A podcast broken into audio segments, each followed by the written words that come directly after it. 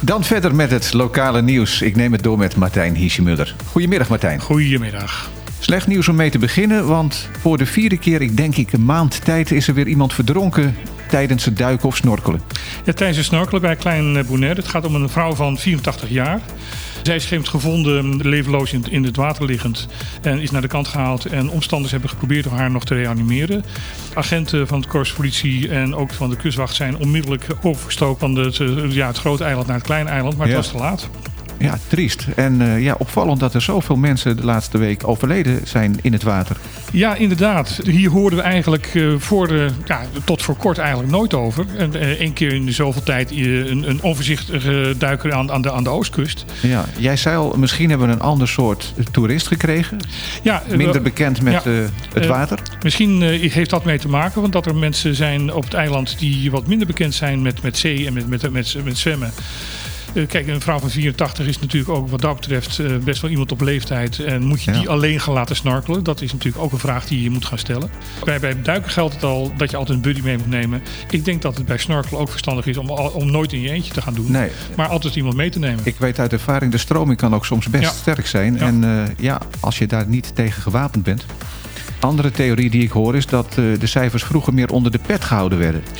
Daar zijn ook wel aanwijzingen toe, alleen geen bewijzen. Dus we zouden eigenlijk die cijfers boven tafel moeten krijgen? Ja, eigenlijk wel.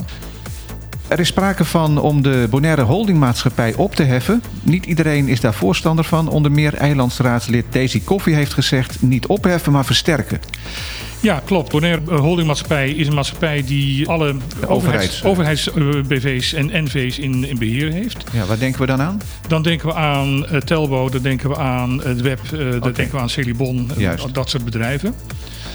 En is in de tijd opgericht uh, op verzoek van Nederland om de politiek wat verder van de overheids-NV's af te, te, houden. Ja. En dat daar uh, de holding een eigen commissarissen zou hebben. En de NV's zijn ook vaak te klein om een eigen ja, hele zware top te hebben. En dan zou die uh, kennis vanuit de holding kunnen komen. Valt het vliegtuig, vliegveld er ook onder? Vliegveld, ja, valt daar ook okay. onder. En dan zou er nu sprake van zijn om dat op te heffen. Waarom dan? Omdat er vanuit de NV's wordt gezegd, tenminste dat is het verhaal, dat er eigenlijk weinig uit die holding komt. En dat ze weinig steun eraan hebben en dat ze er alleen geld aan kwijt zijn. En dat ze er verder eigenlijk niks aan hebben.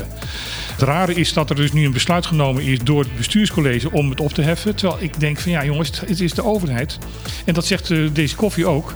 Van moet dit niet via de eilandsraad? Want dit is in feite uh, overheidsgeld. Dus met andere woorden publiek geld. Daar moet uh, over gestemd worden, democratisch. Op zijn minst, ja. Op zijn minst. Dat is wel een van de dingen die ze zegt.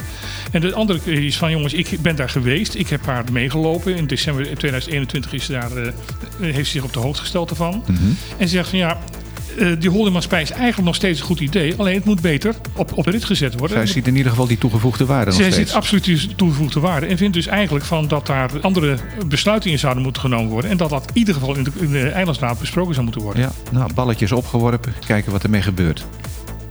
We gaan het even hebben over racisme in Caribisch Nederland. Ja, op 11 april heeft de Nationale Coördinator tegen Racisme en Discriminatie vanuit Nederland een gesprek gehad met jongeren op Bonaire, Sint-Eustatius en Saba. En daar kwamen dus onder andere naar voren de, de, dingen die zij zelf als jongeren ervaren als discriminatie. En het opvallende is dat de, de, jongeren op de drie verschillende eilanden eigenlijk andere problemen hadden met, met discriminatie en, en, en, en waar, zitten, waar zitten die verschillen dan in? Nou, de jongeren in Sint-Eustatius richten zich vooral op uh, educatie. Dat daar altijd uh, even rechtlijnig uh, wordt, wordt recht, lesgegeven. Ja. En zij hebben vooral daar problemen met het verschil tussen mannen en vrouwen. Dus, dus zij vinden dus ook dat er meer aandacht moet zijn voor gendergelijkheid en zij spreken dus op, op, op school en in, in de hele cultuur op, op Statia. En daar, trouwens, de Sabaatskinderen doen dat ook. Over een, een, een, giftige macho-cultuur. Oké. Okay. En op Bonaire? Op Bonaire hebben ze het voornamelijk over de taalproblemen. Hoe moet ik dat als discriminatie zien? Nou, zij vinden dat zij gediscrimineerd worden omdat zij gedwongen worden op school Nederlands te leren, terwijl hun ah, moedertaal ja. uh, papiments is, waardoor heel veel kinderen zowel papiments als Nederland niet goed spreken. Ja. En dat ze daardoor heel veel achterstand hebben. En dat ze dat in feite als een discriminatie... Ja, ik hoor vooral veel voorbeelden van discriminatie. Echte racisme heb ik hier nog niet voorbij horen komen. Dat is uh, op Saba wel zo. Want daar hebben ze het over dat er een systemisch racisme is. Oh. Uh, omdat geprivatiseerde blanke families vaak een voorsprong hebben. En vaak ook de hogere posities. Oké, okay, dus dat speelt daar zeker dan. Ja. Er is een eh, spectaculaire daling, kunnen we wel zeggen, in het aantal besmettingen op Bonaire. We hebben het natuurlijk over de COVID-besmettingen. Ja, vorige week stond de teller nog op 217 en die is deze week gedaald naar 122. Bijna gehalveerd. Dus dat gaat de goede kant uit. Er zijn nog wel steeds veel nieuwe besmettingen. Er zijn 270 mensen vorige week langs de teststraat gegaan en daar bleken 167 mensen van uh, daadwerkelijk besmet met het virus. Maar er zijn ook 262 mensen hersteld, dus uh, vandaar de daling. Ja. Heb je ook nog wat van de andere BES-eilanden? Ja, uh, van Saba. Daar is het ook enorm gedaald. Vorige week hadden ze nog 108 coronagevallen, deze week nog maar 17. Nou, dat is een nog sterkere daling inderdaad. Gisteren hebben we het gehad over dat TUI-toestel waarvan uh, het raam kapot was gegaan. Daardoor moest het toestel afgelopen zondagavond uh, terugkeren naar Curaçao voor een voorzorgslanding. Jij zei, toen, uh, jij zei gisteren toen, de mensen gaan vandaag terug naar Nederland. Het is maar niet gebeurd. Het is niet gebeurd, hè? Nee, de, de reparatie van de kapotte ruit blijkt ingewikkelder te zijn dan men dacht. En ze hebben dus nu een apart vliegtuig voor naar Curaçao laten vliegen. En vanmiddag, als het goed is, vertrekken ze. Dus morgen hebben we dit bericht niet meer. Dan, tot besluit, het weer. Het is uh, vrij bewolkt. Tijdelijk uh, zwaar bewolkt zelfs nu en dan.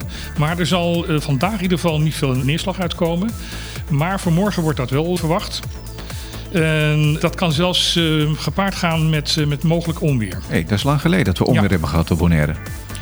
Dus daar moet rekening mee gehouden worden. De maximale temperatuur is 30 graden. Dat zakt s'nachts weer terug naar 24 graden. De wind is weer afgezwakt ten opzichte van vorige week. Windkracht 3 en 4, dat is normaal hier. Ja. Met zo nu een uitschietertje naar 5. En ja, voor de komende dagen wordt wel, wel wat, wat meer regen verwacht. Oké, okay.